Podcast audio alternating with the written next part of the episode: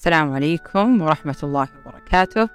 أهلا فيكم. أنا مرام محمد وهذا بودكاست المرام. كل عام وأنتم بخير. والله يعيد علينا وعليكم باليمن والبركات والسعادة والراحة. والله يتقبل أعمالنا وقيامنا وصلاتنا يا رب. في اكتشاف اليوم ببدأ بقصة صارت قبل 16 سنة تقريبا. كنت بثالث متوسط قالت لمدرستنا لفصلنا بالتحديد وبالطاولة اللي جنبي طالبة خجولة جدا. بالطبع الاجتماعي حاولت أصير صديقتها وصارت معنا في المجموعة الحمد لله. دائما ألاحظ إنها ساكتة وبس تحرك القلم على على الورقة. سألتها مرة وشو تسوين؟ قالت ما شخبط. استغربت وما صدقتها صراحة لأن حركتها القلم كانت مدروسة. وواضح إنها تسوي شيء عارفة كيف تسويه. ورجعت لها بعد فترة وقلت لها وش تسوين؟ قالت أشخبط. لا لا لا هذه مو شخابيط وبعد محاولات عدة وأسئلة كثير عرفت إنها كانت ترسم. أنا هنا عقلي لمبات فراشات ألعاب نارية من الحماس. أنا تكفين تكفين وريني رسمك. البنت لا وين؟ أنا مو رسامة كل هذه شخابيط. من هالكلام قاعدة تمشيه علي. بس على مين؟ والأول مرة أحس نفسي فضولية. أنا طيب ليه الخطوط كأنها أشكال ودوائر ورسومات وأسئلة كثير؟ ازعاج صراحة ازعجتها في الأخير استسلمت لفضولي. خلتني أشوف كل اللي بالدفتر بس كلها كانت خطوط ما في ألوان. وعلمتني إنها ترسم بس يعني مو كثير وقلت لها علميني كيف أرسم وكيف أتعلم ومن وين أبدأ لكن رفضت. وبعد محاولات محاولات كثيرة قالت أوكي. إذا عرفتي ترسمين مثل رسمتي بعلمك الرسم. كأنها تتحداني أو تحاول تعجزني. بس على مين برضو؟ كانت ثقتي بنفسي عالية. كنت أقدر أقدر أعطيني. حاولت ورسمت نفس رسمتها بالضبط بس بدون ألوان. وشوفوا فرحتي هذاك الوقت أحس إني ارتحت. ارتحت لسببين. السبب الأول عرفت إني أنا قد ثقتي بنفسي. السبب الثاني ارتحت وعرفت إن ربي صدق رزقني موهبة أنا كنت أجهلها.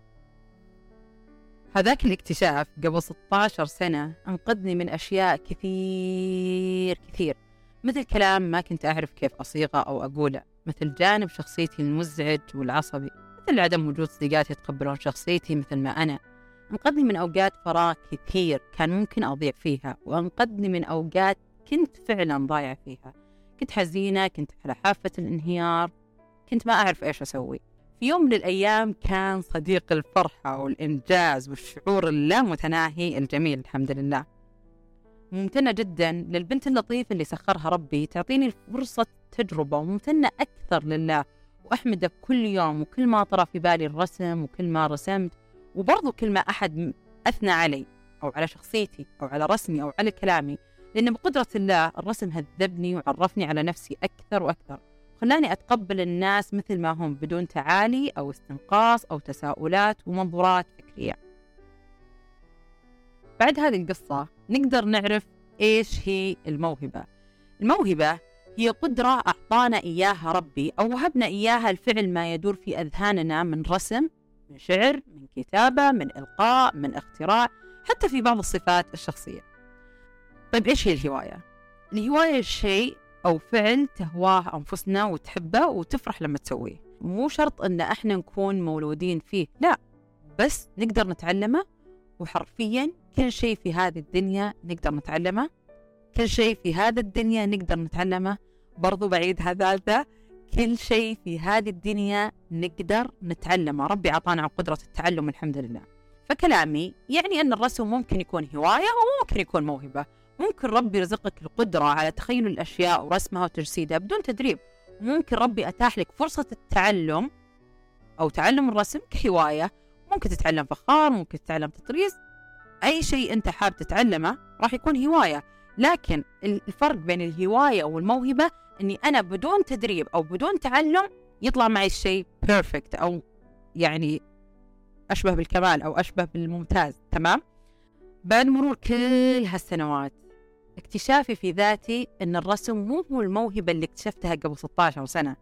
الموهبة في ذاتي هي الفن الفن بحد ذاته بكل أشكاله. الحمد لله الحمد لله الحمد لله ما قد جربت فن إلا وأبدعت فيه. الرسم الفخار التطريز التصوير حتى في الفنون الحياتية مثل الروتين الترتيب الطبخ. لكن في نقطة مهمة جدا جدا جدا الهواية والموهبة. ألا وهي الممارسة. الممارسة والصبر الممارسة والصبر الصبر والممارسة شبكون مع بعض يا جماعة لأنه هم يكملون بعض وأهم شيء في الهواية والموهبة طيب أنا ليش جمعتهم؟ بيجي, بيجي أحد بيقول لي طيب ليش جمعتيهم في نقطة واحدة؟ لأن إذا الإنسان صبور راح يمارس هوايته أو موهبته بشكل دائم لين يوصل للمستوى المتطور أو يوصل للمستوى اللي هو يبغى يوصل له ولأن الممارسة برضو تحتاج صبر فإذا التزمت ومارست هوايتي بشكل روتيني بتعلم الصبر على النتائج وبعدها بيكون عندي صبر عام على الحياة على المواقف على الأشخاص وعلى كل شيء أمر فيه في حياتي. ملخص كلامنا في هذه الحلقة من اقتباسنا في الحلقة الماضية إذا تذكرون.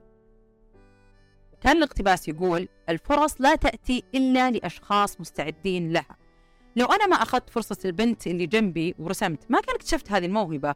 لو أنا وأنت وأنتي ضيعنا كل الفرص اللي تجينا كيف بنتطور كيف نتعلم؟ كيف نكتشف أنفسنا؟ وهذا ما يعني إني إذا ضيعت فرص كثير ما راح تجيني فرص جديدة. لا بالعكس راح أتعلم من ضياع الفرص الماضية. اني أقتنص كل الفرص اللي تجيني بذكاء وأتعلم أكثر وأسرع في كل الفرص الجديدة. طيب سؤالي لكم اليوم إيش الفرصة اللي أخذتها واكتشفت نفسك فيها أو اكتشفت جزء منك فيها. أتمنى إني أسمع إجاباتكم وأحس إني متحمسة إني أسمع إجاباتكم صراحة. قبل ننهي الحلقة اقتباس اليوم يقول يبقى الشيء ساكنا حتى تفكر فيه فيتحرك باتجاهك. هذا الاقتباس من كتاب نظرية الفستق. إذا عجبتك هذه الحلقة شاركها أصحابك وبكون ممتنة جدا ولا تحرموني من دعمكم. اسمعوني إن شاء الله في الحلقة الجاية. كان معكم مرام محمد.